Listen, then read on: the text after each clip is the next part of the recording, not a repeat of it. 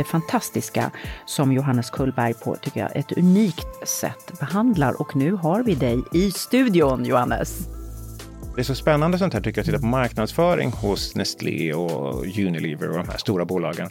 Plötsligt skulle man skulle ju tro att de är de mest eh, liksom, miljökämparna i världen. We love vegan. Absolut, ja. de älskar veganer, de ja. älskar klimatet. Ja. Men det är inte en krona för att de bryr sig om liksom, hållbarheten, utan de tjänar så fruktansvärt mycket pengar på det. Mm. Att då och då unna sig slappna av, inga problem. Mm. Men gör man det här under en längre period, då blir det inte att unna sig, utan då är det en, ett nytt sätt som kommer att dra dig ner som du inte mår bra av. Mm. Hej och välkommen till hälsorevolutionen. Ja, hur ska man ta makten över sin hälsa idag? Bland all snabbmat, superchips, speedodrycker, raffinerade kolhydrater. Vi lever ju i en tid när stora livsmedelsföretag tillverkar allt mer sofistikerade produkter som går på tvären mot det liv som vi människor en gång utvecklades för. Ett liv med helt annan mat, mindre stress och mycket mer naturlig rörelse. Maria Borelius här, biolog och vetenskapsjournalist och jag har förmånen att podda med Karina Nundstedt. Jag är förläggare och producent och vi är ju podden för dig som vill stärka din hälso och livsresa. Och idag ska vi undersöka hur vi bygger oss starkare och friskare samtidigt som mat och livsstilar håller på att utvecklas som både är svåra att stå emot och samtidigt skadar oss. Det är lite knepigt det här. Men vi har ju fått hit en fantastisk gäst, Johannes Kullberg, som har blivit en mycket populär hälsoprofil, bland annat på Instagram. Och nu kommer han ut med boken Ta makten över hälsan. Tidigare så drev han butiken Paradiset här i Stockholm som hade fantastisk ekologisk mat.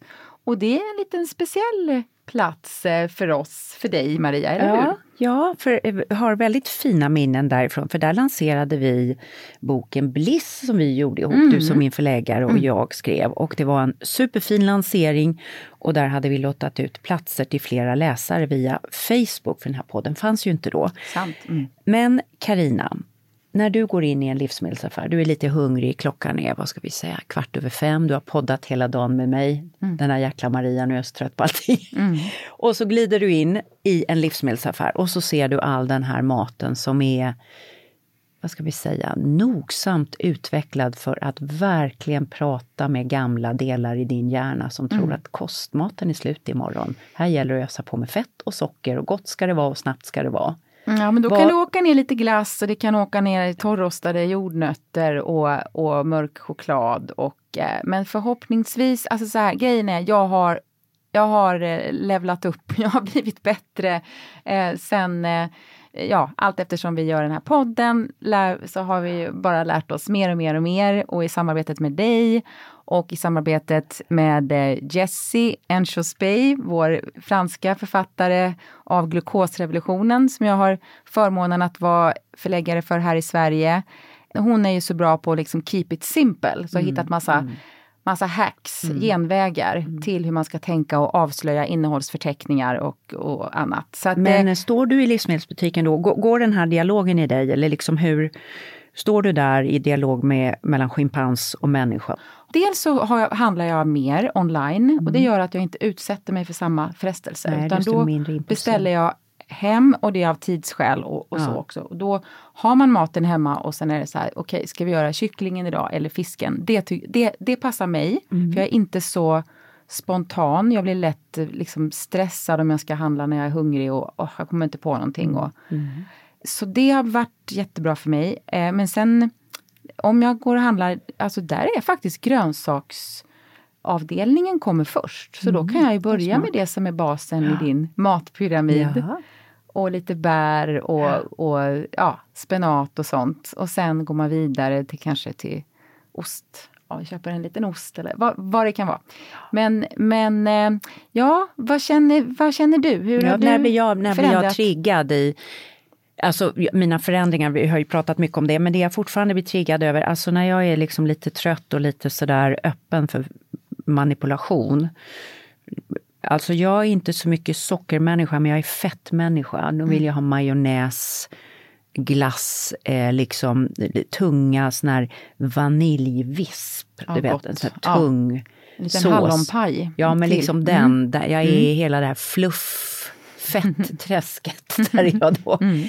Men jag kan, då låter jag mig vara lite där men lägger till så kanske lite vispgrädde med lite bra en bra fruktsallad mm. med lite vispgrädde. Alltså så man, man bara tänker, ja men jag, jag ska nog vara lite fet och fluffig nu, mm. men jag ska ha bra saker till. Mm. Så kontrollerat fluff? Ja, eller, som... eller positivt, det blir lite mer positivt fluff. fluff. Mm. Men, men jag kan ju också stå där med min naturvetarhjärna och tänka, jäklar vad de försöker dra i min blisspunkt nu, alltså med de här olika specialchipsen. Jag mm. gillar ju lite sötsur, alltså såna här vinägerchips. Ja, det där fanns ju tidigare bara i England, men ja, sen kom nej. det även hit. Ja, jag gillar det också. Det var en, en fantastisk dag.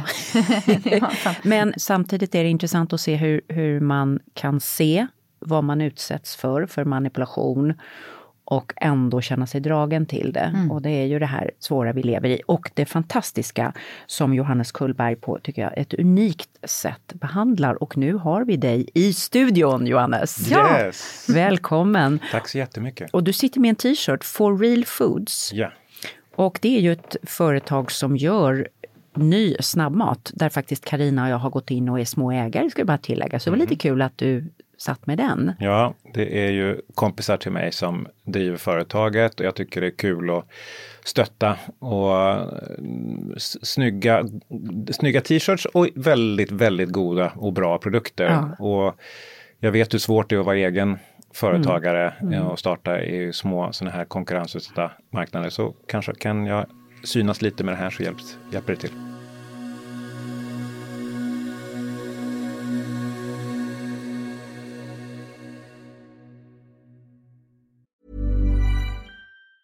Normally being a little extra can be a bit much, but when it comes to healthcare, it pays to be extra and United Healthcare makes it easy with Health Protector Guard fixed indemnity insurance plans. Underwritten by Golden Rule Insurance Company, they supplement your primary plan, helping you manage out of pocket costs without the usual requirements and restrictions like deductibles and enrollment periods. So when it comes to covering your medical bills, you can feel good about being a little extra. Visit uh1.com to find the Health Protector Guard plan for you. Du är kost och hälsocoach, har gjort mycket annat i livet, vi ska prata med det, och en passionerad entreprenör inom hälsa. Jättehärlig Instagram-profil med väldigt mycket konkreta tips. Jag kan tänka att du får många som laddar ner och sparar alla dina tips om där du jämför eh, allt från Coca-Cola-sorter till korta tips om motion, hur man kan titta på råvaror och så vidare. Och nu kommer du ut med den här fantastiska boken Ta makten över hälsan, mm. som jag direkt längtar efter. Jag har bara läst pdfen, att den ska komma i bokform, för den ska jag sätta händerna på typ alla killar jag bryr mig om. Ja, vad härligt. Jag ja. tycker det låter som en bra idé. Ja. Vi är ju en podd för starka hälsoresor och din hälsoresa, den går inte av för hackor. Nej. Från hårdfästande, hårdjobbande strategikonsult, börs-VD, du har blött näsblod av stress och jobbat över 100 timmar vissa veckor. Mm. Och nu gör du det här, berätta. Ja, men jag har lite svårt för att göra saker och ting balanserat kan man väl säga. typ. ja, så, så hade man haft de här ADHD-diagnoserna som man strösslar med idag. På min tid så hade jag säkert fått en sån också, men jag klarar mig väldigt bra utan. Men jag gör, jag gör gärna saker väldigt intensivt eh, och jag är väldigt nyfiken och, och driven. Och då blir det lätt att jag går all in. Väldigt svart eller vit. Har många satt etiketter på mig när jag var yngre framför allt. Blir väl lite mer gråzon kanske när man blir äldre. Men, men ehm, så jag har jobbat väldigt, väldigt hårt och, och sen då festat väldigt hårt som någon sorts motpol, vilket ju är katastrofalt ur ett hälsoperspektiv. Men Um, work hard, play work hard. hard. play hard. Ja, Absolut. du skriver det i boken. Absolut. Det var och, ditt motto. Totalt. Mm. Och sen väldigt intresserad av tjejer men ganska blyg för dem också då när jag mm. var yngre framförallt och då var ju alkohol en väldigt bra lösning tyckte jag. För då blev du king? Då blev jag king, mm. ja. Och king i baren? Drack alldeles för mycket, alldeles för ofta. Mm. Vad drack du då? Ja, sprit, öl, you mm. name it. Mm. Så bara man blev full av det. Så du drack för att liksom eh, släppa hämningar och våga, våga bli den här killen som du längtade efter att vara? Ja, eller? det kan man säga. Och att jag en, en sån här väldigt dopaminkänslig. Så att när jag, det räcker med en öl mm. så blir jag på ett sånt strålande humör. Mm. Och liksom eh, allting är lite rosa skimmer och, och sånt här. Och då vill jag ju ha mer av det. Så mm. då tänker jag att det finns säkert ännu mer den tionde ölen. Liksom. Jag känner så. igen det där. Ja. Jag brukar tänka att jag är, jag, jag är en Alltså jag hade kunnat bli alkoholist mm. om jag hade gett efter för det. Absolut. Du med? Ja, absolut. Ja. Ingen tvekan. Det, det, är, det är därför jag inte skulle våga prova några sådana här syntetiska droger eller något sånt här, för då skulle jag säkert torska direkt. Mm. Mm. Det, nikotin är jag väldigt känslig för. Det har jag mm. slutat med. Men, men äh, ja, nej, det går inte. Mm. Jag såg det, du kallar nikotin för ditt kryptonit. Yes. Ja, jag fattar. Du, eh, och vad, vad var vändpunkten då från den här hårdfästande och du blev börs-VD? Ja. ja. Höll på att nästan gå sönder. Ja. Mm. Nej men det var väl det var ett par saker. Dels var det att jag träffade min fru som är väldigt klok och bra. Eh, som gjorde väl att jag behövde liksom balansera mig en aning. Dessutom var det att jag fick barn. Eh, första när jag var kanske 34-35 någonting sånt. Och nu har jag tre barn. Men sen framförallt när jag började mäta. Jag tycker det är roligt att mäta hälsa för att om man är prestationsinriktad och tävlingsinriktad så vill man ju försöka hela tiden också vara effektiv med sin tid. Så jag mäter min sömn, jag mäter egentligen det mesta du kan tänka dig. Ja, vi har båda våra Oura-ringar här. Särskilt med de här ringarna som vi har på oss båda två så ser man ju så fruktansvärt tydligt vad alkoholen gör med sömnkvalitet. Det är klart att man känner det till stor det del. Det går åt helvete. Men det går, och det går så snabbt. Mm. Det räcker ju med men, ett litet glas vin, mm. det kan funka. Mm. Går du över det, då är det direkt mm. så går återhämtningen ner. Jag känner det på min träning, jag känner det på framförallt mitt humör, jag blir deppig. Eh, för jag tömmer snabbt mitt liksom, dopaminförråd en signalsubstans som gör att man mår bra, ja, feel good, motivation, feel good känsla Peppad. kan man säga. Ja. Mm. Och eh, när det töms så blir jag liksom så låg, det kan sitta i två dagar mm, efteråt. Mm. Mm. Och, du har utvecklat den här känsligheten för din egen hjärnkemi. Ja, ja. Verkligen. Ja. Så du började se de här mönstren, du träffar din fru, hon får in dig på nya banor och du börjar lyssna på din kropp på nya sätt. Är det det? Den här svängningen kommer över en natt, får du bara vakna och får en snilleblixt bara jag måste hitta en ny väg? Eller tar det Nej, liksom? absolut inte, utan det har pågått över lång tid. Eh, andra förändringar har gått över en natt. Till exempel när jag slutade på Lidl en gång i tiden. Det var för att jag på fyllan hade liksom vräkt ur mig till en person som jag liksom hamnade i någon sorts tjafs med. Och sa jag, men, hur mycket pengar tjänar du då? För jag tjänade fruktansvärt mycket pengar på den tiden. Va? Mm. Och så när jag vaknar upp på morgonen och inser, vad har jag sagt? Mm. Vad har jag blivit för något? Mm. Då sa jag upp mig på stört liksom direkt mm. efteråt. För, från alkoholen eller från Lidl? Från, från Lidl? Ja. Bra fråga. Jag borde ju sagt upp mig från alkoholen kan man ju tycka också. Men det gjorde jag inte då, utan eh, kanske liksom den trappades ner. Ja. Men eh, nej, det krävdes rätt många sådana här eh, uppvaknanden. Men gradvis mindre och mindre. De senaste vad kan man säga, sju, åtta åren så har det bara blivit mindre och mindre. Nu, jag kan ta ett glas vin till maten eller någonting mm. sånt, men ja. ja. Det är ju sådär att när man har varit där du har varit, du blir ju väldigt trovärdig på det sättet. Jag tänkte på det också när jag tittade på dig på Instagram med, med den här bakgrunden, för att en, en sån människa dömer ju ingen annan. Nej. Man har fått ett vidgat hjärta och förståelse. Du har ju skrivit nu en fantastisk bok, så pedagogisk. Ja, jätteroligt. Ja, förutom att skriva böcker, vad gör du idag? Berätta om ditt hälsocoachande, hur det ser ut. Ja, jag har idag ungefär 250 klienter som jag jobbar med och då har jag också några personer som hjälper mig. Men eh, där vi jobbar ungefär sex månader med de här personerna. Väldigt fokus på kost men även rörelse. Jag är utbildad personlig tränare också och där jag egentligen, jag startade det jag utbildade mig till hälsocoach bara för att jag fick så mycket frågor på Instagram om och vem är du då? Vad kan du då? Mm. Och liksom, det går inte att säga att jag har läst extremt mycket forskning och att mm. det här är min mm. liksom, största mm. passion. Det funkar inte. Så jag tänkte att jag får skaffa en liten utbildning. Så jag gick en mm. ettårig mm. utbildning som jättebra. Jag är glad att jag gjorde det. Men jag tänkte egentligen inte jobba som det. Men sen blev jag då approachad av ett hälsocoachföretag som har såna tekniska plattformar för hälsocoaching. Och de tyckte att ja, men det här kommer du göra jättebra. Jaha, ja, ja, jag kan väl testa tänkte jag mm. så för ett och ett halvt år sedan ungefär. Mm. Så startade jag lite på skoj. Jag gillar ju eh, utmaningar eller mm. triggas. Och sen var det så fruktansvärt roligt och, liksom den här min mamma är psykolog, pappa var psykiater, så jag tror mm. det ligger väl i det här att hjälpa andra människor och att mm. få lyssna på dem och komma med lösningar som gör betydelse för deras liv. Det är ju mm. fantastiskt. Mm. Så det är bland det roligaste jag har gjort. Mm. Och vad möter du där? Ja, eh, jag möter precis det som jag skriver om i boken, det vill säga personer som fullständigt har tappat makten över sin egen hälsa. Mm. Där framförallt, alltså maten anser jag vara nyckeln till det mesta, men du får lägga på ett par dimensioner till. För att så fort vi pratar hälsa så är det lätt att man blir så enkelspårig och eh, svartvit och så vidare. Här kan man inte vara det, utan väldigt mycket stress också.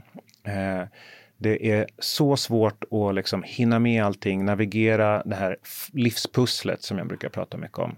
Men sen hur vilsna folk är i det här med, okej okay, men hur ska jag äta då? Och många tror att de gör bra och följer kanske någon på Instagram, säger vi, som har sitt perspektiv. Och ofta det man inte förstår är att med sociala medier, ju tydligare, ju mer dogmatisk du är, desto lättare är det att driva tillväxt. Ju mer du klagar på någonting, eh, desto lättare är det att driva tillväxt.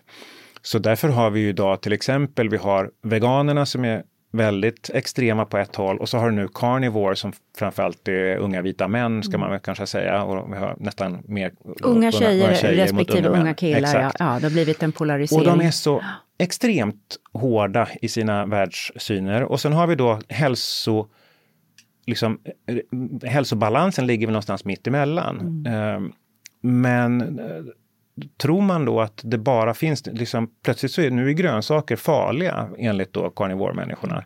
För de innehåller antinutrienter, vissa av dem. Okej, okay, ska jag nu inte äta några grönsaker? Mm. Det är ju helt bananas liksom. Men jag får det här hela tiden till mig då från framförallt unga killar som brukar ibland gå in och titta vad det är för människor. Så det kan det vara såna killar som poserar framför en pansarvagn eller något sånt där. Liksom. Som Med biff? ja, typ. ja, det, det, det, är så barockt ja. och som då tycker att jag är dum i huvudet som inte förstår att jordnötssmör är livsfarligt mm. till exempel. Eller vi kan, eh, vi, precis, jag har sett en del av den här också. Jag var inne och letade efter ett recept på vegetarisk mat mm. och hamnade på Youtube efter åtta minuter i någon slinga om hur man ska tortera mer eller mindre barn till bönder, som, alltså mjölkbönder. Alltså det, det har liksom blivit helt sjukt ja. för att man är så då emot all djuruppfödning och så mm. vidare. Mm. Mm. Vi ska inte gå in på Nej. det här, nu ska vi prata om din bok. Ja.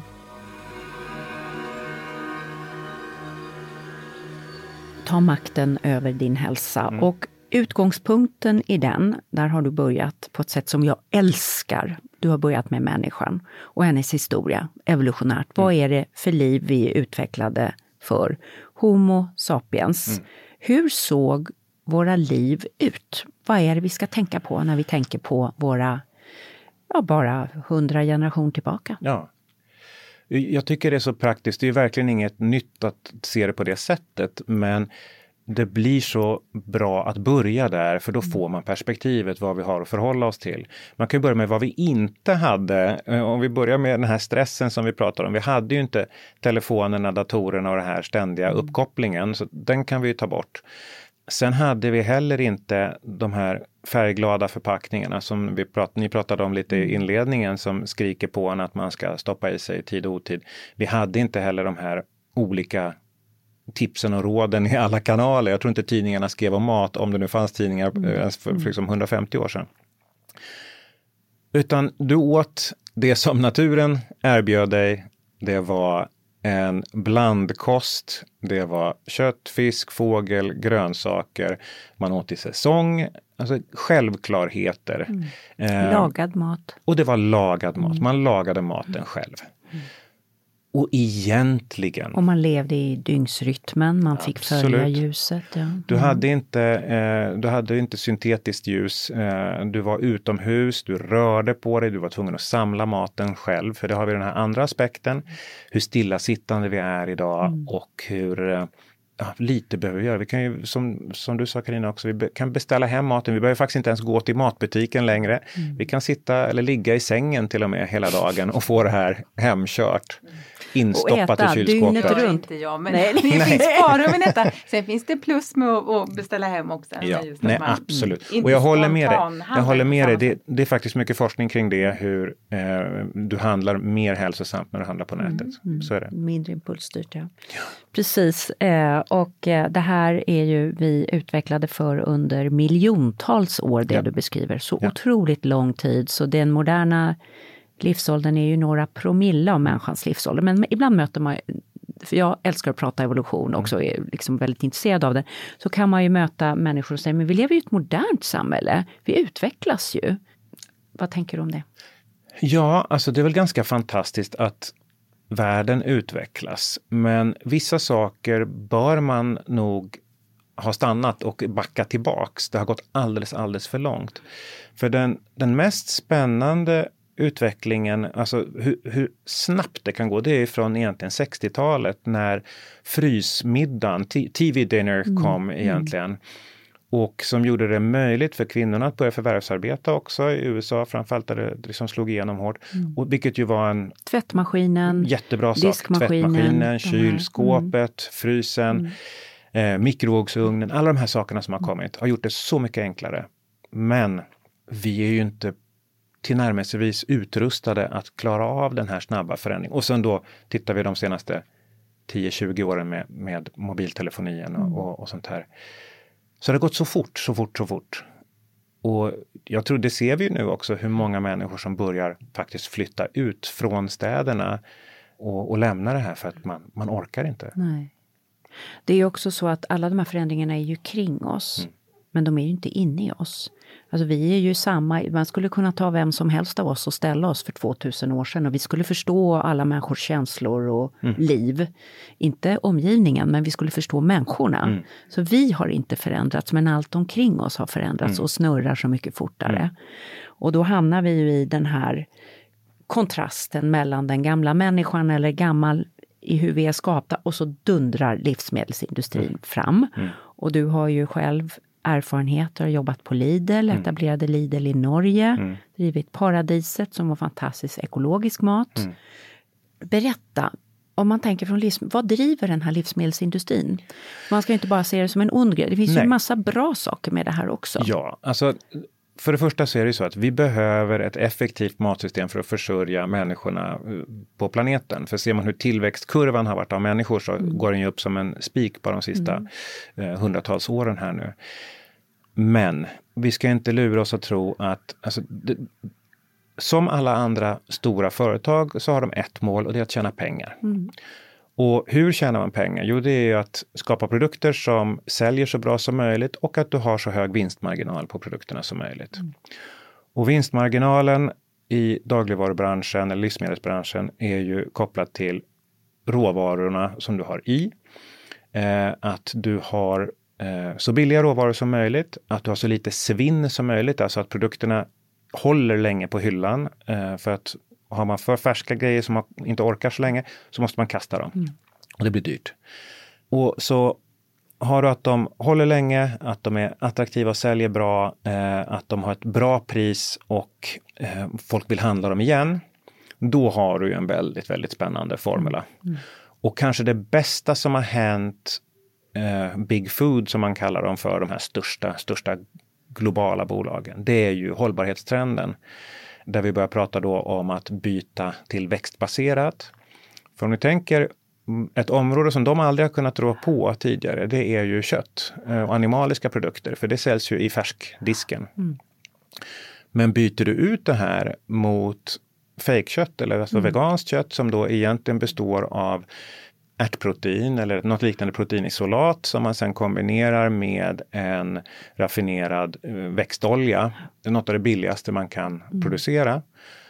Har du en hållbarhet som är fenomenal. Eh, mm. De här håller hur länge som helst. Mm. Du kan prispunktmässigt, alltså prismässigt kan du lägga den här hacket under normalt kött, för det kommer vem som helst att acceptera. Det här är ju en kött, ett substitut. Den håller i frysen eller den håller i hyllan hur länge som helst. Du har fenomenala mm. vinstmarginaler. Så att om man då ser, tittar, det är så spännande sånt här tycker jag, titta på mm. marknadsföring hos Nestlé och Unilever och de här stora bolagen.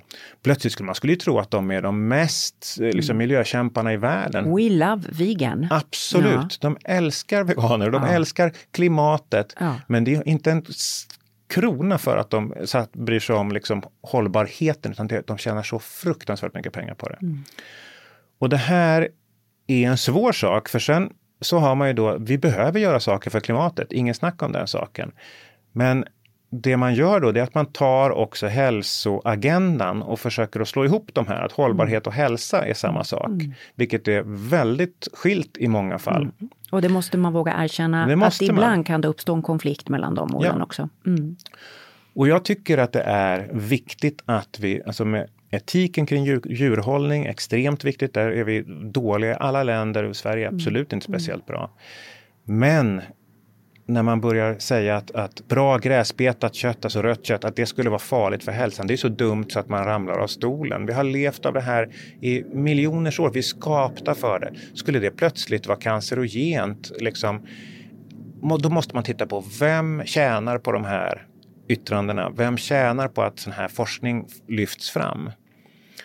Och det tycker jag också är spännande om man börjar titta då på vem som finansierar studier. Ofta är det flera led bort, men så hittar man ofta att det är branschorganisationer som är lobbyverksamhet. Mm. Så det här är en trend som pågår nu och jag tycker det är intressant att jämföra med det som kom på 1930-talet i Amerika där man började prata om hur otroligt viktigt det var med frukost och att fettet var farligt och så vidare. Och vilka var vinnare på det? Jo, hela frukostflingeindustrin så att säga. Va? För, för lösningen på allt det här blev ja men då måste vi ha lite fettfria frukostflingor, K-special. Mm. Liksom. Och det här är ju en parallell. Karina, ja. du? Jo men alltså det här med kött är ju väldigt intressant. Eh, jag gillar liksom variation så. Mm. Men är det inte ändå så att vi har ätit successivt bara mer och mer rött kött? Och att det har, finns väl, nu ställer jag frågor mm. till er som har bättre koll mm. på studier, studier på att det inte är bra för hälsan. Till exempel ökar, nu har jag en man som har gått bort mm. i tarmcancer mm. och där sa i alla fall någon läkare mm. till mig någon gång, jo det kan vara, det finns studier kring att det kan öka risken för mm. tarmcancer. Så att det finns väl en viss risk Absolut att finns äta, om man äter för det. mycket. Ja, det, det, är en mängdfråga också ja. skulle jag säga. Exakt, som, som alltid är dosen ja. eh, liksom viktig. Lagom är bäst. Absolut, och, men sen är det kvalitet. Och det är kvalitet. inte så att de här har ätit väldigt bra kött eh, generellt sett. Men, men sen är det också en komplexitetsfråga. När vi pratar forskning och livsmedel och påverkan på hälsa så är ju det här någonting som pågår över väldigt lång tid. Så alla de här studierna vi pratar om, de är inte randomiserade kontrollerade studier, alltså av hög kvalitet, utan det är epidemiologiska eh, eller observationsstudier. Mm. Och det innebär att du frågar folk via enkäter Mm. Äter du mycket kött? Hur mycket mm. äter du i veckan? Och så mm. vidare. Och hur mycket åt du för fem år sedan? Hur mycket åt du för tio år sedan? Mm. Och det gör ju att de har ett väldigt, väldigt lågt värde egentligen. Mm. Mm. Men de tillskrivs ett högt värde. Men sammanfattningsvis på liksom allting. Vatten är också farligt i för hög dos. Så att det är klart att vi behöver ja. hålla det. Men bra, riktigt bra kött, riktigt bra grönsaker. Det är mm. inte farligt, det är det vi är gjorda för. Mm. Ja, ja, får jag lägga till en sak? Alltså det är ju du som blir intervjuad här, men det finns ju Alicia Wolks stora studie på KI Uppsala. 60-70 000 personer, 70, ja, nu kommer jag inte ihåg om det är 60 eller 70 000 personer hon har följt under 16 år. Och där har hon kopplat stora, att äta stora mängder rött kött är kontraindikativt mot långt liv. Men det man inte tar hänsyn till där är fettprofilen. Och den är ju beroende på vad, kött, vad, vad djuren har betat. Och då är det så, har de betat spannmål, då är det högre halter omega-6. Har de är de gräsbetande, högre halt omega-3. Mm. Och det är ju en enorm skillnad i vad det skapar för inflammation. Och nästa grej är, vad äter man till köttet? Ja. Har man, och det har man sett med mättat fett också, äter man bra grönsaker till får man en viss effekt. Äter man eh, pommes frites till som är friterade i någon eh, rackabajsar solrosolja så blir det en annan effekt. va? Så att det är den här helheten och då är det här evolutionära. Vad gjorde våra förfäder? De åt vilt, gräsbetande djur och inte alltid. Eh, när de kunde hitta ett djur och så fyller de på med väldigt mycket vegetabilier. Det, det blir ju en evolutionär logik i det, ja. tänker jag. Eller? Absolut. Vad säger ni? Och där har du också varit inne, inte alltid. De hade också då perioder när de inte kunde äta. Det vill säga att de fick in en, eh, det vi idag fastar. Ja, proteinfasta hade ja, de också. Mm. Absolut. Mm. Och det ser man ju väldigt tydligt. Det kan vi jobba. Jag tycker också det är spännande att optimera just för prestation. Och där man då kan växla till exempel mellan en ketogen kost och en hög mm. kolhydratrik kost och du snurrar det här, då kan du få en enorm eh, effekt. Just för att kroppen blir chockad. Carb cycling yes, tror exakt, vi på. Ja, exakt. Jättebra. Mm. Så att, och detsamma gäller då i träning. Vill du få väldigt bra resultat, då får kroppen, den måste chockas. Mm. Och, och, det är vi gjorda för. Samma sak med kallbad och sådana ja. saker. Vi mår bra av att utsättas för extremer. Ministress, ja. ministressorer. Ja, spännande.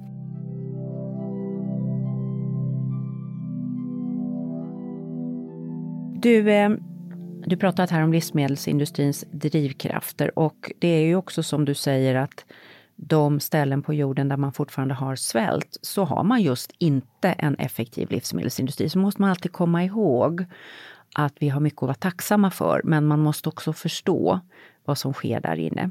Och en av de saker man har lärt sig att manipulera är ju vårt belöningscentrum. Vi har varit inne på dopaminet, du pratade om ditt eget, mm. hur det kickar igång av alkohol, mitt är likadant. Mm. Zoom säger det.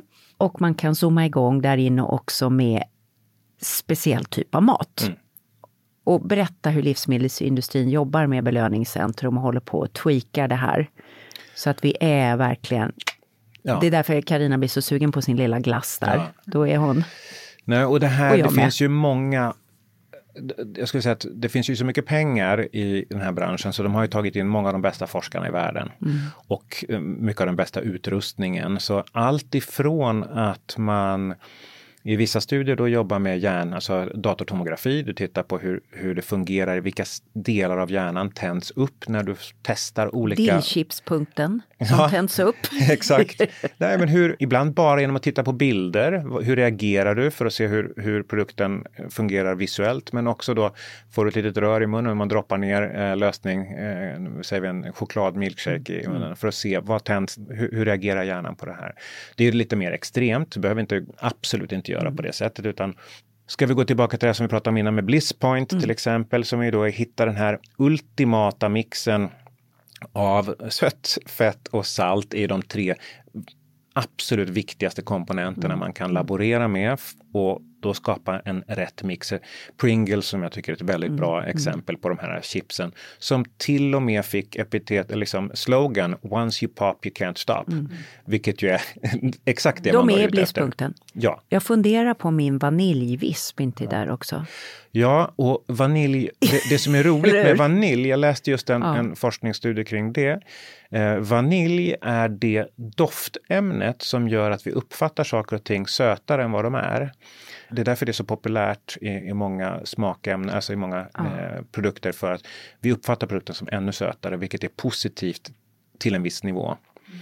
Men så att man, man laborerar med de här mixarna, ja. man testar gärna på barn och eh, ser hur de, eh, när de säger att här går gränsen, det här vill jag inte, det var inte gott längre, men mm. upp till en viss nivå till exempel på dricka, hur mycket socker ska det vara i? Mm. Så hittar man då den perfekta balansen. Och, och, och då får man ju det som man vill ha business som upprepas och upprepas och upprepas. För då när folk går förbi den här speciella chipsgrejen Ja, just det. Ja. Det var ju där jag fick. Det var så gott. Så härligt var det. Exakt. Ja. Och de här minnena sitter i så hårt. Och det här är den andra spännande saken som väldigt få personer känner till är ju vem som äger de här stora livsmedelsbolagen nu. Och, och det är ju faktiskt tobaksbolagen som till stor del tog över hela eh, Big Food-världen för ett antal år sedan. De är bra på belöningscentrum också. De är väldigt duktiga. Mm. De har lärt sig genom många, många års forskning av beroendeforskning då hur man ska göra för att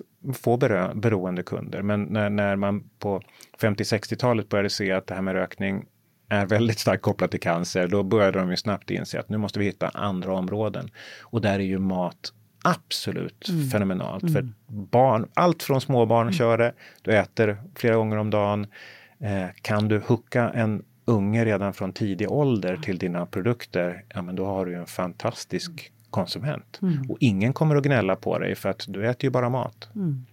Mm. Du, det som eh, jag tänker på då, du använder uttrycket fake mat och vi har ju haft Ann Fernholm här som har pratat väldigt bra om mm. och gör, som hon gör ju en fantastisk folkbildande insats, mm. precis som du. Och du skriver att 40 procent av svensk kost idag är fejkmat och i mm. Amerika så var det 60 procent. Ja, drygt, drygt. Det är nästan två tredjedelar. Ja. Kan du om, nämn fem livsmedel som är fejkmat så vi förstår hur du menar. Alltså, och den, den mer korrekta termen är väl ultraprocessad mm. mat. Då, då. Mm. Och, eh, i princip så kan man säga definitionen på det, det finns en, en brasiliansk forskare, Carlos Monteiro, som grundade det här, eller satte etiketterna eh, på 2014 där du har, det är mat som är lätt att konsumera. Du kan antingen äta den som den är eller bara värma upp den lite mm. snabbt. Den har ofta en väldigt lång innehållsförteckning. Den ser likadan ut i alla länder mm. och den är ofta framme i, den behöver inte stå kylt eller fryst. Tips, eller som vi var inne på kan Pringles, du, ja. Doritos, vi har läsken, vi har, vad ska man säga mer? Sen har du också de här olika pizzorna, ketchup. hamburgarna, du har ketchup, ja. du har Flingor av alla sorter? Absolut. Kellogg's mm. är ju ett sånt här stort bolag mm. med, med i princip alla flingor du hittar där. Så, då, så försöker man sminka den här grisen också väldigt ofta. Flingorna är ett fenomenalt bra exempel där man då, tittar ni på framsidan så står det innehåller järn eller fiber, eh, 93 mm. fiber. Liksom. Oj vad bra! Mm. Och då ska du inte helst läsa att det är 37% socker i den. Då. Men, men det här är, är ju liksom enkel vilseledande mm. taktik mm. som man jobbar med. Och vad gör den här kosten med oss? Oj, den gör mycket. Eh, I princip så har vi ju något som kallas för ett metabolt syndrom idag. Du får ju en väldigt, ofta en väldigt stor sockermängd i dig. Du får i dig för mycket salter och det vet vi idag också. Den här typen av raffinerat salt vill vi inte få i oss. Och den typ av fetter du var inne på, omega-6 fetter som vi får i oss, blir alldeles för högt för vi får nästan inte i oss någon omega-3 idag eh, på grund av att den feta fisken som vi ska äta är, har så mycket miljögifter i oss att inte ens Livsmedelsverket kan rekommendera den. Så vi, vi ser ju idag, vi har en överviktsepidemi i hela världen. Eh, det är mm. väldigt få länder som är undantagna. Vi har högt blodtryck, vi har eh, 30% av alla cancerformer kopplade till eh, livsstil där mm. maten är en väldigt viktig komponent stroke, hjärt-kärlproblematik, you name it. Mm. Eh, inflammation. inflammation. Tre av fem dödsfall, eh, säger Harvard universitet idag, inflammationskopplade. Ja, absolut. Så det här är, kan man säga, livsstilsrelaterade sjukdomar fast den, utan att kasta skuld, utan ja. det handlar om hur samhället har omvandlats. Ja. Jag jobbar väldigt mycket med omega-3, där jag har tillgång till den största, data, eller den största databasen i världen som mäter med blodprover på hur fettsyrabalanserna ser ut idag. Där våra barn alltså nu ligger på 25 till 1 mellan omega-6 mm. mot omega-3. Och det, här, det är det mm. startvärden eh, som är helt katastrofala, där vi ska ligga till 1 till 1 egentligen mm. evolutionärt. Så att med den inflammationen som pågår så har du en grogrund till fenomenal ohälsa mm. framåt. Vad säger du, för det finns så mycket forskning om det här idag, du som håller på med hälsocoaching, det blir ju väldigt förvirrande. För i den allmänna debatten finns det ju fortfarande läkare som säger att det spelar ingen roll vad vi äter. Ja. Undertext, allt är gener ändå, för det ja. är ju vad, vad man säger då.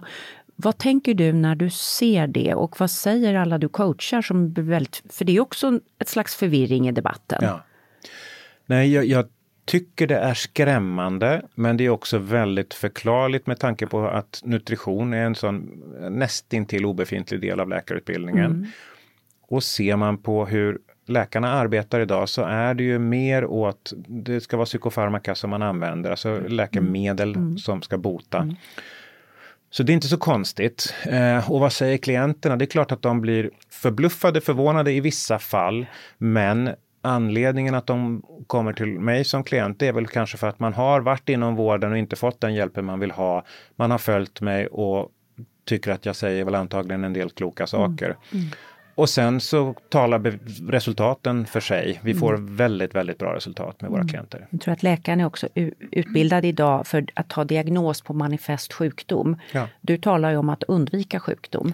Så de står i slutet av backen och räknar hur många som kommer ner med benbrott. Så att säga, istället för att fundera i början av backen varför ja. det blir benbrott. Ja, ja och, och, men vi har även, vi kommer att ändra på det. Jag vill, jag vill ju in så tidigt som möjligt mm. men vi tar, har även haft personer som, som har en, en rad rad sjukdomar om man säger så. Det är inte därför de kommer till oss, men mm. som försvinner på grund av att de lägger om kosten och mm. livsstilen. Mm. Spännande. Får jag bara berätta en kort mm. rolig grej. Mina barn skulle göra en tacomiddag. Jag var eh, och jobbade någonstans. De gillar tacos som många barn. De är eh, ja, nu lite äldre barn. Och då skulle Vilma göra egen guacamole, eh, hade vi sagt. Men, eh, men avokadon var stenhård, vilket den ju är, vissa mm. delar. Och det, då, det är ju svårt då liksom.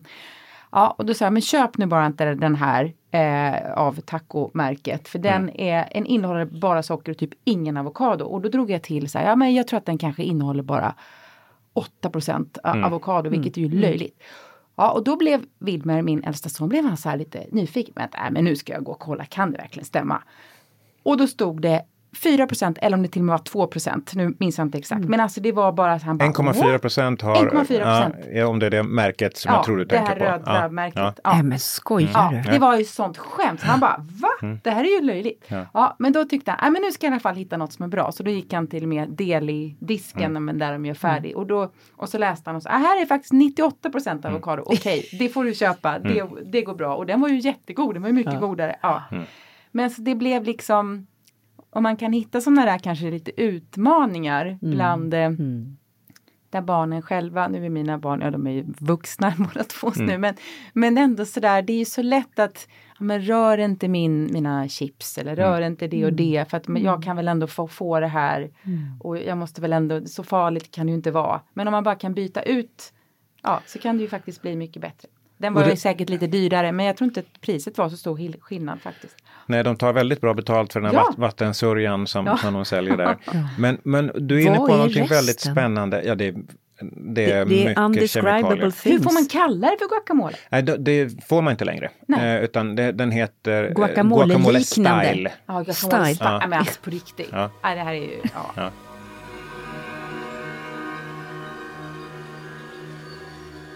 Vi måste också komma till egenmakt, därför att det är lätt att ruttna ihop på, på allt det här som finns omkring oss. Och det är ju din bok, första delen beskriver ju människans evolution och hur livsmedelsindustrin är inne och drar i våra hjärnor. Och sen kommer du just till vägen ut, mm. egenmakten. Och du börjar först med att man måste hitta sitt why. Mm. Och om vi tittar på evolutionärt, våra förmödrar och fäder behövde ju inte hitta sitt why. Varför måste vi göra det? Det är för att om du ska förändra din situation och inte har ett tydligt varför eller why så blir det väldigt, väldigt svårt. Då får vi den klassiska nyårslöftet och sen så tre veckor senare när det blev mycket på jobbet eller mm. någonting hände, första misstaget kom, så faller man tillbaks, då släpper mm. man det. Mm. Men har man gått till grunden, till botten verkligen med varför vill jag göra den här förändringen? Vad betyder det för mig? Det var samma sak som när jag skulle sluta snusa. Mm. Eh, om jag inte har någon anledning mer att det är dumt, alltså det är mm. hälsofarligt mm. och så vidare, ja men då kommer jag inte sluta. Vad blev det för djupare motivation? Då? Där var det att Dels bland, jag blandade med väldigt ytliga mm. grejer. Jag mm. ser inte klok ut när man snusar. För jag ja. kan ju då självklart inte snusa en, jag snusar ju dubbelt såklart. Ja, ja det är dopaminknarkare. Ja. Och, eh, och min Instagram, jag kan inte gå runt och vara hälsocoach och hålla på sådär, det funkar inte. Nej. Men sen var det, jag får en hög puls, jag får sämre sömnkvalitet, eh, jag får en väldigt hög ämnesomsättning, minskad aptit. Mm. Så att sen jag slutade har jag gått på upp nästan fyra kilo i muskler faktiskt. Mm, eh, så att det är en enorm skillnad. Så då blev det, jag vill ha en snygg kropp. Så ja, lite. Var, ja, men liksom, jo, men absolut, den här blandningen den är viktig. Av, den, ja, men absolut. Blandningen ja. av så här långsiktiga, kloka och någon liten sån här eh, snabb grej som man kan bara känna sig lite lycklig med. Ja, och sen la jag till, om jag skulle läsa en studie imorgon, för nu är också tobaksbolagen väldigt duktiga på att eh, hålla nere ja. forskningen kring vad farligt det är eller skadligt det är. Och som säger att jag skulle leva sju, åtta år kortare av det här, skulle jag då fortsätta snusa? Nej, det skulle jag inte göra.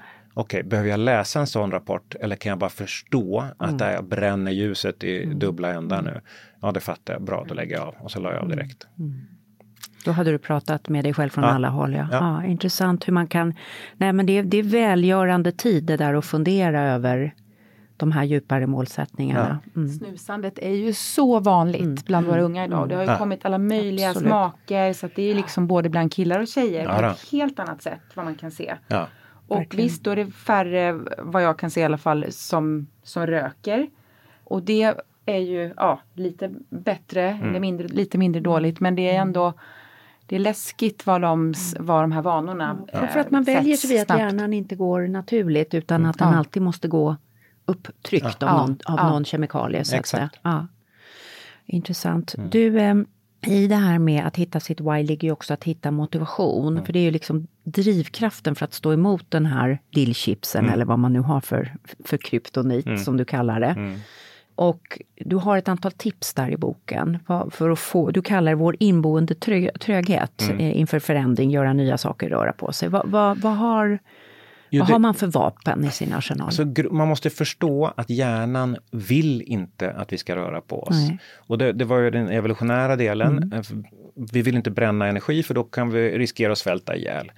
Så liksom, det gäller att komma upp och sätta igång och försöka förminska uppgiften. Så att istället för att säga nu ska jag upp och springa fem kilometer i skogen mm men jag, jag, ska bara ta på mig skorna och gå runt kvarteret. Mm. Om jag tänker det, då mm. blir det så mycket enklare. Momentum, liksom. Ja, skapa momentum. Komma igång, få lite momentum. Mm. När jag väl är utanför dörren, då har jag mm. gjort det jobbiga. Mm.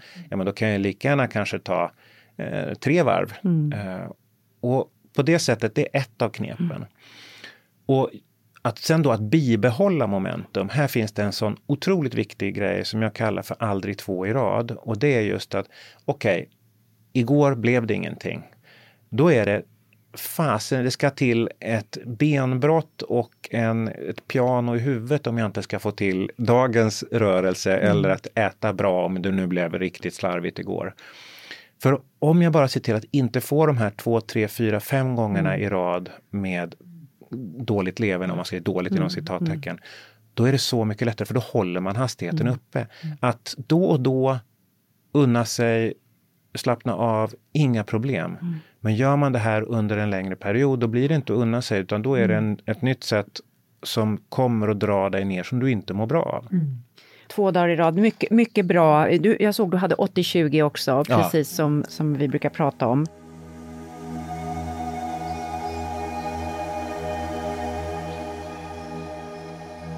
Alltså för det första så är det, tycker jag, väldigt intressant, för när många sätter igång eh, en hälsoförändring så tänker man nu ska jag börja träna, man mm. tror att det är det centrala. Och du har två roliga stapeldiagram. Mm. Det ena är vad vi tror att mm. det ska handla om, där träningen är det stora och kosten ligger som en liten sån här minisalami ovanpå den mm. här stora stapeln. Men hur är det egentligen? Vad är det som verkligen ger utdelning? Ja, alltså, och det kan jag säga baserat på väldigt mycket erfarenhet och även forskning. Det är kosten som mm. är absolut nyckeln. Jag, mm. jag brukar säga någonstans 80 till nästan 90 procent av resultaten kommer från kosten. Mm. Oavsett om du ska gå upp i vikt, gå ner i vikt, eh, förbättra, förbättra hälsan, hälsan mm. totalt sett, så är det kosten du mm. måste börja med. Och sen är vi, träningen jätteviktig också, eller rörelsen. Jag vill hellre säga rörelsen, träning, mm. för att Eh, bara det här att komma ut och promenera, om vi pratade blodsocker tidigare, att promenera efter maten kan vara fantastiskt bra för att balansera blodsockret. Eh, men också att bara komma ut i naturen mm. och, och liksom andas. För sen har vi den, den tredje komponenten som är stress som ju sällan brukar få plats överhuvudtaget i de här. Det är mm. Eat, eat less, move more som är den klassiska, vilket är idioti egentligen. Rör på dig mer och ät bättre och gärna mer också om du klarar av det. Men stressen är ju den som ligger i botten av så mycket också. Mm. För att är du stressad, då börjar du sova dåligt. Sover du dåligt, då blir du triggad på att äta sötsaker för att du ska få upp energin. Och då har du en sån här riktig shitstorm som, som drar igång. Mm. Alla som har varit småbarnsföräldrar vet ju mm. när man haft en sån här riktigt hemsk natt. Det är inte så att du är jättesugen på broccoli och, och en mm, liten Då blir man en bullmamma. Ja, mm. så är det. Mm.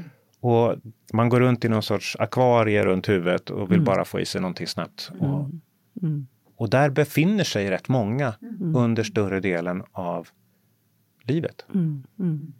Intressant det här med kosten. Jag menar, en grej med maten är ju då att vi, vi är ju liksom inte hemma och står i vårt kök och kan laga all mat. Nej. Så hur ska man få maten att funka under vardagen? Alltså du är ju en stor prepping-fantast mm. har jag förstått. Och vi har gjort lite med Ulrika Davidsson och, och så om prepping. Det här är ju en trend som har kommit från USA. Mm. Jag fick eh, ett år när jag var väldigt ny med allt det här så fick jag en preppinglåda av min man. Jaha. Där man kunde liksom ha, det var en jäkla massa olika, och man kunde få in olika boxar och så vidare. Till slut var, till slut var det en hel sån här resväska man skulle gå runt med, så det var liksom ett helt äventyr. Ja. Men alltså prepping, berätta, vad är prepping för dig? Alltså för mig handlar det om, jag försöker att införa en ny hälsodag. Vi har ju fredagsmyset och lördagsgodiset som är ganska nya fenomen mm. men ändå har blivit sådär otroligt cementerade i mm. Sverige. Så varför inte kunna ha liksom lördagsprepp, eller mm. söndagsprepp, förlåt, mm. söndag. Söndagen är för mig matlagningsdagen där vi ser till att laga stora portioner så att man spar tid och inte behöver göra det här mm. resten av veckan. Mm. Du kanske lägger in en onsdagsprepp också om man vill det.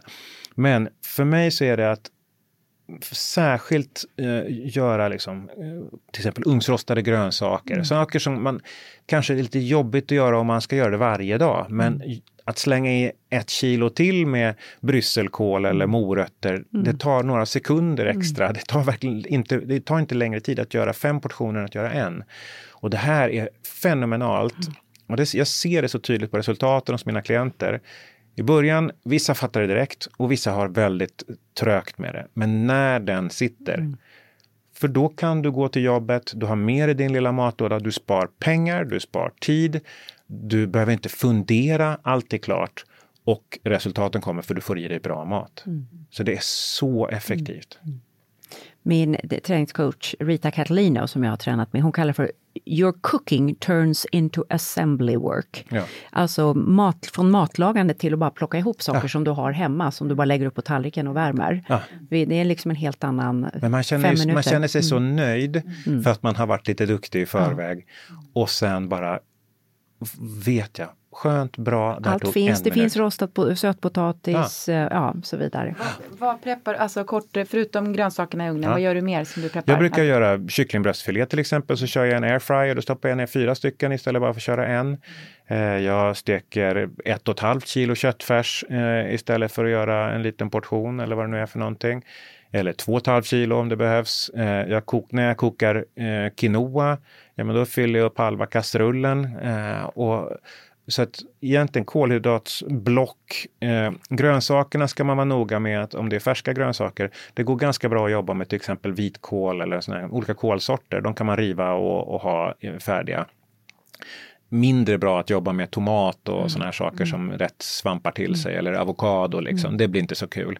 Men de kan man ju lätt lägga till om man vill göra det. Men de här lite grövre sakerna som spar mycket tid. Och sen är jag har kommit till en punkt där jag njuter av att äta hälsosam, god mat så, men det behöver inte vara jättevackert för min skull så och det behöver inte vara, behöver heller inte vara jättegott om jag ska vara helt ärlig. Mm. Bara... Kan, min son kallar det för att äta på biokemiska. Ja. Han säger, jag äter på biokemiska eh, fem dagar i veckan och resten äter jag vad jag känner för. Ja, ja. vilken bra, den där ja. lånar jag. Mm. Så känner jag. Mm. Ett bra sätt att foodpreppa också som jag tycker det är att göra lite så här pimpade såser. Ja. Typ en bra pesto, en bra eh, tahini. Mm. Ja, lite, hummus, lite hummus mm. en fantastisk, jag har en harissa. Mm. Och, så, och sen kan man bara göra väldigt enkla saker som man har. Så har man det här så ser det ändå lite kul ut. Exakt. Nej men det är helt rätt. din nya kokbok. Bok har jag det, ja, massa precis. sköna såser. Ja, sköna såser som liksom har bra näringsvärde. Och då talar jag inte gräddsåser utan just såna här lite med mycket grönsaker i och lite smoky. Och, ja, vad härligt. Eller? Ja. ja, nej men det är helt rätt. Helt mm. rätt tycker jag. Du, eh, du pratade om fettbalansen kort. Vad ska vi göra då om vi vill, förstår att vi behöver få i oss mer omega-3 men är rädda för alla miljö förorenade stackars fiskar, feta ja, fiskar? Ja, alltså där finns det, skulle jag säga, nästan bara ett sätt.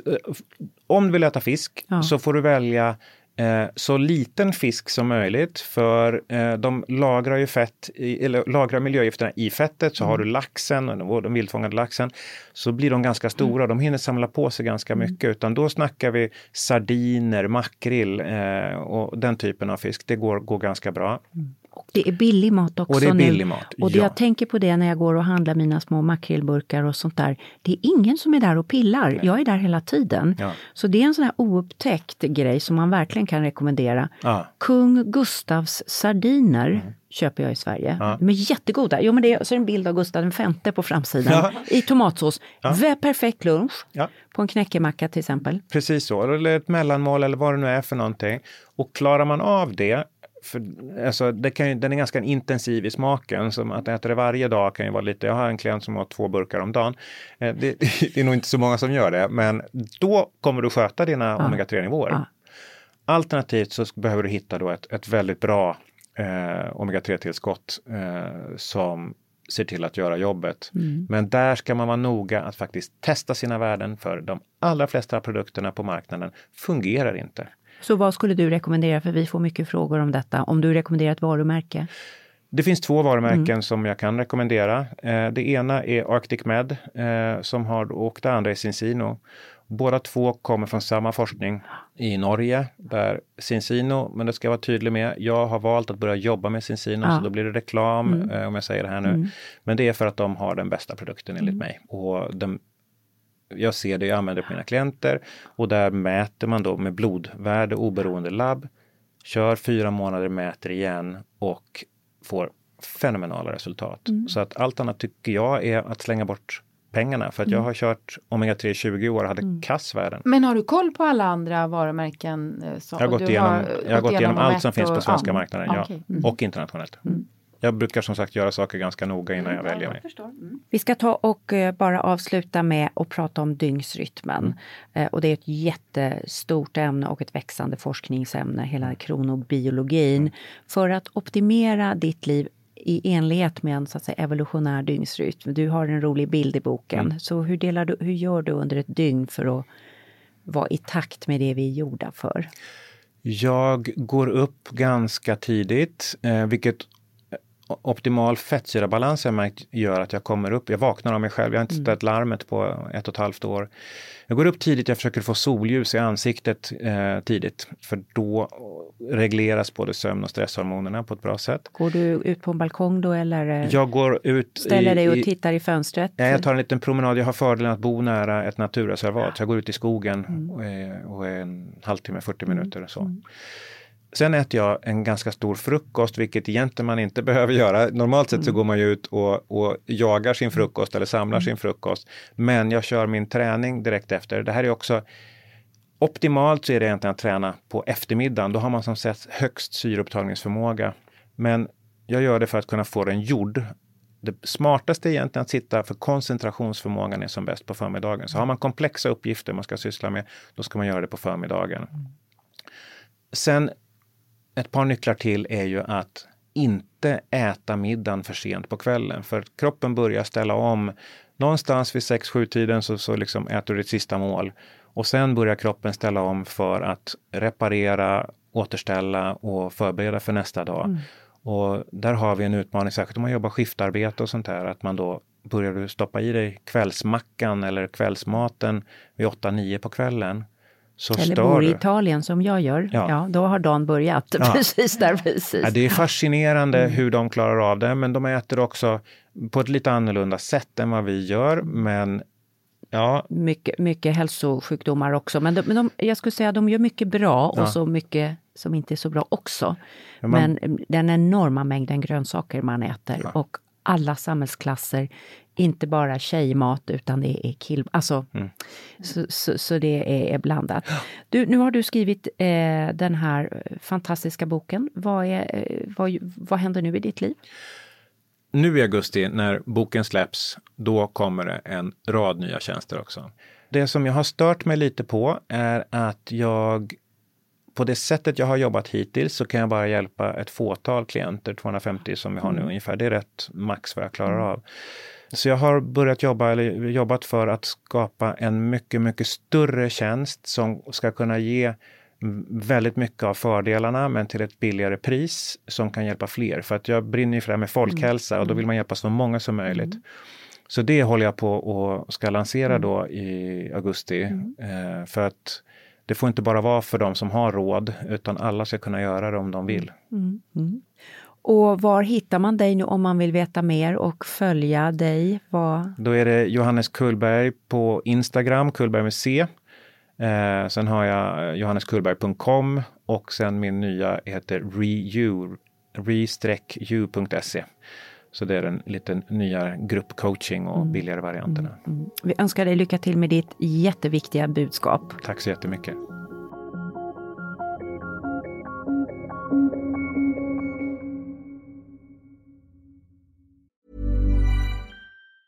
As a person with a very deep voice, I'm hired all the time for advertising campaigns. But a deep voice doesn't sell B2B, and advertising on the wrong platform doesn't sell B2B either. That's why if you're a B2B marketer, you should use LinkedIn ads. LinkedIn has the targeting capabilities to help you reach the world's largest professional audience. That's right, over 70 million decision makers all in one place. All the big wigs and medium wigs, also small wigs who are on the path to becoming big wigs. Okay, that's enough about wigs. LinkedIn ads allows you to focus on getting your B2B message to the right people. So, does that mean you should use ads on LinkedIn instead of hiring me, the man with the deepest voice in the world? Yes. Yes, it does. Get started today and see why LinkedIn is the place to be to be. We'll even give you a $100 credit on your next campaign. Go to linkedin.com slash results to claim your credit. That's linkedin.com slash results. Terms and conditions apply. Normally, being a little extra can be a bit much. But when it comes to healthcare, it pays to be extra. And United Healthcare makes it easy with Health Protector Guard fixed indemnity insurance plans. Underwritten by Golden Rule Insurance Company, they supplement your primary plan, helping you manage out of pocket costs without the usual requirements and restrictions like deductibles and enrollment periods. So when it comes to covering your medical bills, you can feel good about being a little extra. Visit uh1.com to find the Health Protector Guard plan for you.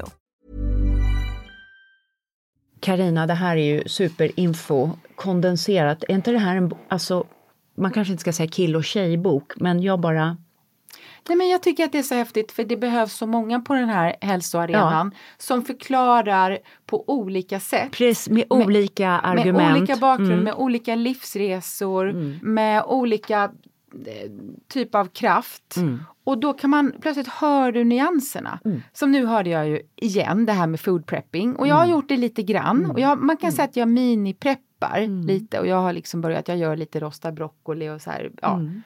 Som glukosgudinnan också ger, som, ger som tips. Men, men jag kände igen bara, men alltså det här passar ju mig så bra för att jag älskar när det finns att jag, jag, kan äta det här och det här som finns i kylen och jag mm. slipper tänka. Mm. Speciellt om man är själv vissa mm. kvällar. Mm. mm. Alltså hålla på och laga mat från grunden, så här, det, är så, det kan vara jättetråkigt. Det kan vara avkopplande och lustfyllt och fantastiskt också.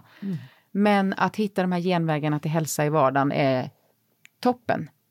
Superbra, med ja. prep är superbra. Och jag älskar ju att göra mina såna här veggieboxar. Ja. Det är ett väldigt enkelt att bara göra en massa, man kan göra två sådana plåtar. Ja. ja precis. Eh, och med bara väldigt enkla billiga grönsaker. Jag kan använda vitkål, kål, morot, Mm. Och sen sparar du det, men jag menar, är det lika gott då tre dagar senare? Eh, man... Inte tre dagar senare, men två dagar senare, ja. absolut. Mm. Så det kan vara bra. Så, men grejen är att det går åt väldigt mycket också när man gör det, för det är så gott. Ja, så. eller hur? Ja, men man bara slurpar i sig det som... Slurpar ja. i sig, precis. Ja, eller hur? Ja, jag, jag, ehm, nej, men vad jag menade, men det var intressant för att när jag satt med min dator framför den eh, i köket och min man gick förbi och bara kollade, vad läser du?